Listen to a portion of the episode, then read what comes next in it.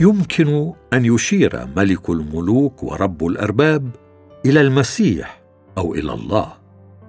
فإذا كانت تتحدث عن المسيح في حالته الممجدة رؤيا الإصحاح الأول الآية الثانية عشرة حتى الثامنة عشرة فإن العزيز صاحب السيادة الوحيد وملك الملوك ورب الأرباب والذي له وحده عدم الموت الأبدية وساكنا في نور لا يدنى منه ستكون كلها القابا تدل على ألوهيته. وإذا كانت هذه الفقرة تتحدث عن الله فمعنى ذلك أن كلا من المسيح والله يشتركان في اللقبين المتطابقين ملك الملوك ورب الأرباب. كما تبين الفقرات الأخرى التي أشرنا إليها. رؤيا الإصحاح السابع عشر الآية الرابعة عشره مثلا. وفي كلا الحالين فإنها تقدم دليلا على ألوهية المسيح. الديان. لم يترك العهد القديم مجالا للشك بأن الله هو ديان كل نفوس الناس. يدعو السماوات من فوق والأرض إلى مداينة شعبه لأن الله هو الديان مزمور الإصحاح الخمسون الآية الرابعة والسادسة. وهناك إشارات كثيرة إلى يهوى كديان. تكوين الإصحاح الثامن عشر الآية الخامسة والعشرون. ومزمور الإصحاح السادس والتسعون الآية الثالثة عشرة. وعبرانيين الإصحاح الثاني عشر الآية الثالثة والعشرون والآية الرابعة والعشرون. رسالة بطرس الأولى. الإصحاح الأول الآية السابعة عشره غير أننا نجد في العهد الجديد أن الله الأب قد ترك كل الدينونة للابن. يوحنا الإصحاح الخامس الآية الثانية والعشرون. ويوضح لنا العدد الثالث والعشرون سبب إعطاء الله كل الدينونة للابن لكي يكرم الجميع الابن كما يكرمون الآب. من لا يكرم الابن لا يكرم الآب الذي أرسله. هل الآب مكرم كالله؟ بالطبع إذ يجب أن يكرم الابن بالطريقة نفسها. إن يوحنا الإصحاح الخامس الآية السابعة حتى الآية الثلاثين واحدة من أقوى الفقرات في كل الكتاب المقدس التي تؤكد ألوهية المسيح. يسوع هو العتيد أن يدين الأحياء والأموات. رسالة تيموثاوس الثانية الإصحاح الرابع الآية الأولى. وسيمثل كل المؤمنين أمام كرسي المسيح. رسالة كورنثوس الثانية الإصحاح الخامس الآية العاشرة. وتتحدث رومي الإصحاح الرابع عشر الآية العاشرة أن الوقوف أمام كرسي المسيح هو إعطاء حساب عن أنفسنا لله نفسه. كما أن يهوى والمسيح كليهما يفحصان قلوب المؤمنين. أنا هو الفاحص الكلى والقلوب. رؤيا الإصحاح الثاني الآية الثالثة والعشرون إرميا الإصحاح السابع عشر الآية العاشرة. وهكذا يبرز يسوع ويهوى كديان واحد. النور. يستخدم تعبير النور غالبا للإشارة بشكل مجازي لله وحضوره أو إعلانه. فالله هو النور والنور الأبدي. ونور الأمم والسراج وهو الذي يضيء الظلمه مزمور الإصحاح السابع والعشرون الآية الأولى. أشعيا. الإصحاح الثاني والأربعون الآية السادسة. والإصحاح الستون الآية التاسعة عشره والآية عشرون. ورسالة صموئيل الثانية الإصحاح الثاني والعشرون الآية التاسعة والعشرون. قدم يسوع تصريحا قويا عن نفسه بأنه النور. لا مجرد شخص يشير إلى النور. قال أنا هو نور العالم. من يتبعني فلا يمشي في الظلمة بل يكون له نور الحياة. إنجيل يوحنا الإصحاح الثامن الآية الثانية عشرة. وقال أيضا مشيرا إلى نفسه وهذه هي الدينونة أن النور قد جاء إلى العالم وأحب الناس الظلمة أكثر من النور. يوحنا الإصحاح التاسع الآية الخامسة. كما وصفه الرسول يوحنا بأنه نور الناس والنور الحقيقي الذي ينير كل إنسان. يوحنا الإصحاح الأول الآيتان الرابعة والتاسعة. فكما أن الله هو النور الأبدي فإن يسوع هو أيضا كذلك. أشعيا الإصحاح الستون الآية التاسعة عشرة والآية العشرون. رؤيا الإصحاح الواحد والعشرون الآية الثالثة والعشرون. والإصحاح الثاني والعشرون الآية الخامسة. الصخرة. يمكن لكلمة الصخرة أن تعني أشياء كثيرة. ولكن عندما تصبح اسما لله فإنها ترمز إلى تعزية الله لنا وثباته وصلابته وقوته. ترك موسى قبيل موته لأبناء أمته ترنيمة تذكرهم بطبيعة الله وبما فعله من أجلهم. استخدم في هذه الترنيمة اسمين لله. هما يهوى والصخرة. إني باسم الرب أنادي. اعطوا عظمة لإلهنا. هو الصخر الكامل صنيعه تثنية الإصحاح الثاني والثلاثون الآيتان الثالثة والرابعة. انظر أيضا تثنية الإصحاح الثاني والثلاثين الآيات الخامسة عشرة والثامنة عشرة والثلاثين والواحده والثلاثين. وقد دعا داود صاحب المزامير الله إلهي وصخرة خلاصي. مزمور الإصحاح التاسع والثمانون الآية السادسة والعشرون. والإصحاح الخامس والتسعون الآية الأولى. كما قدم داود له العبادة كصخرة له.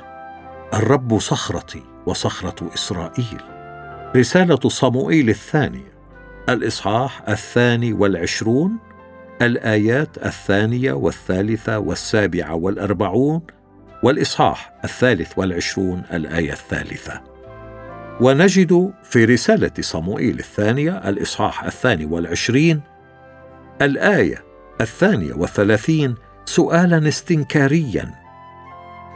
لأنه من هو إله غير الرب؟ ومن هو صخرة غير إلهنا؟ وفي العهد الجديد يعطى يسوع لقب الصخرة. فقد أشار بولس إلى بني إسرائيل في البرية مع موسى فقال وجميعهم أكلوا طعاما واحدا روحيا وجميعهم شربوا شرابا واحدا روحيا لأنهم كانوا يشربون من صخرة روحية تابعتهم والصخرة كانت المسيح. رسالة كورنثوس الأولى الإصحاح العاشر الآيتان الثالثة والرابعة. انظر خروج الإصحاح السابع عشر الآية السادسة. كان بولس يشير رمزيا هنا إلى بني إسرائيل الذين يقوتهم الله. فكان يهوى يعطيهم المن من السماء العدد الثالث. وكان المسيح يعطيهم الشراب العدد الرابع. فمن الواضح اذن أن بولس كان يؤمن أن يسوع هو يهوه كما تحدث بولس عن يسوع كصخرة عثرة. رومي الإصحاح التاسع الآية الثالثة والثلاثون. وأشار له بطرس على أنه حجر حي وحجر صدمه وصخرة عثرة وحجر مختار وحجر زاوية كريم. والحجر الذي رفضه البناؤون. رسالة بطرس الأولى الإصحاح الثاني الآية الرابعة حتى الآية الثامنة. الفادي. تعني كلمة الفادي الشخص الذي يعيد شراء شيء. عندما كان الجنس البشري مفلسا روحيا وعاجزا عن تخليص نفسه قام الله عن طيب خاطر حسب علمه السابق. أعمال الإصحاح الثالث والعشرون الآية الثانية بالتضحية بابنه من أجل فداء الجميع. فاتحا الباب لأي شخص للمصالحة مع الله. تقول كلمة الله عنده فدا كثير. مزمور الإصحاح المئة والثلاثون الآيتان السابعة والثامنة. وإنه الفادي اشعيا الإصحاح الثامن والأربعون الآية السابعة عشرة الإصحاح الرابع والخمسون الآية الخامسة الإصحاح الثالث والستون الآية التاسعة. وهو الذي يفدي من الحفره حياتنا. مزمور الإصحاح 103 الآية الرابعة. ولا يمكن أن يأتي الفداء النهائي من الخطية إلا من الله. يسوع المسيح هو فادينا من الخطية. لنا فيه الفداء بدمه غفران الخطايا.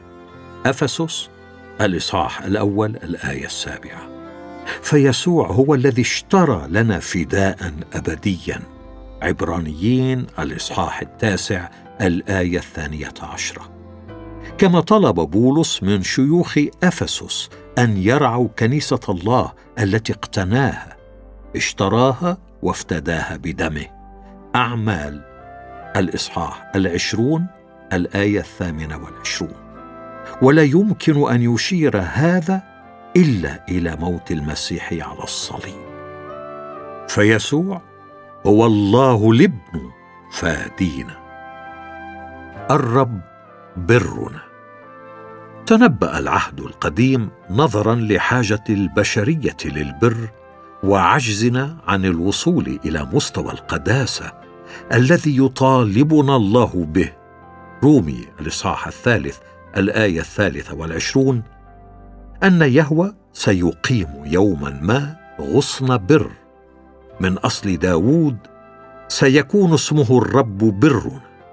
إرميا الإصحاح الثالث والعشرون الآية السادسة. الإصحاح الثالث والثلاثون الآيتان الخامسة عشرة والسادسة عشرة. وهذا الغصن حسب تعليم العهد القديم هو المسيا المنتظر أو المسيح.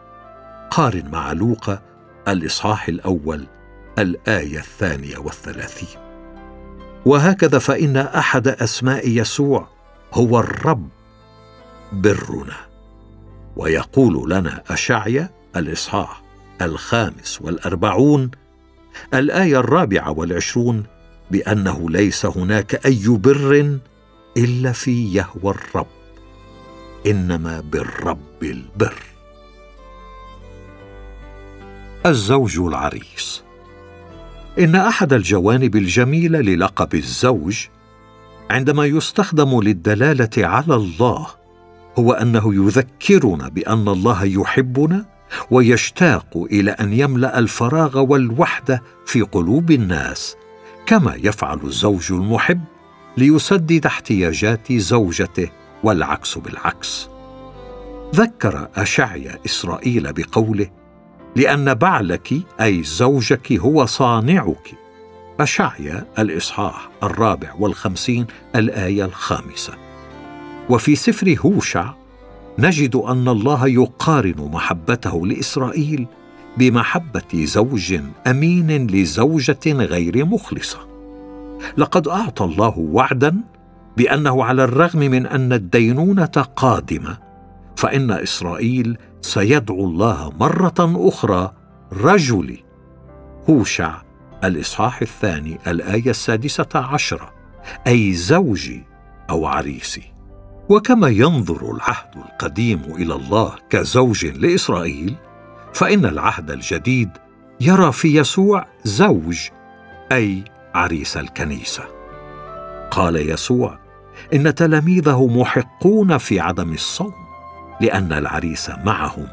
مرقس الإصحاح الثاني الآيتان الثامنة عشره والتاسعة عشره ويطلب المسيح في متى الإصحاح؟ الخامس والعشرين الآية الأولى من العذاره أي الكنيسة أن ينتظروا العريس أي المسيح نفسه. ويقول بولس في رسالة كورنثوس الثانية الإصحاح الحادي عشر الآية الثانية بأن الكنيسة مخطوبة للزواج من المسيح. ويشير رؤيا الإصحاح الحادي والعشرون الآيتان الثانية والتاسعة إلى الكنيسة كعروس مهيأة لرجلها والعروس امرأة الخروف والعروس الجديدة هي أورشليم السماوية. وهكذا فإن المسيح مثل الله هو الزوج الإلهي.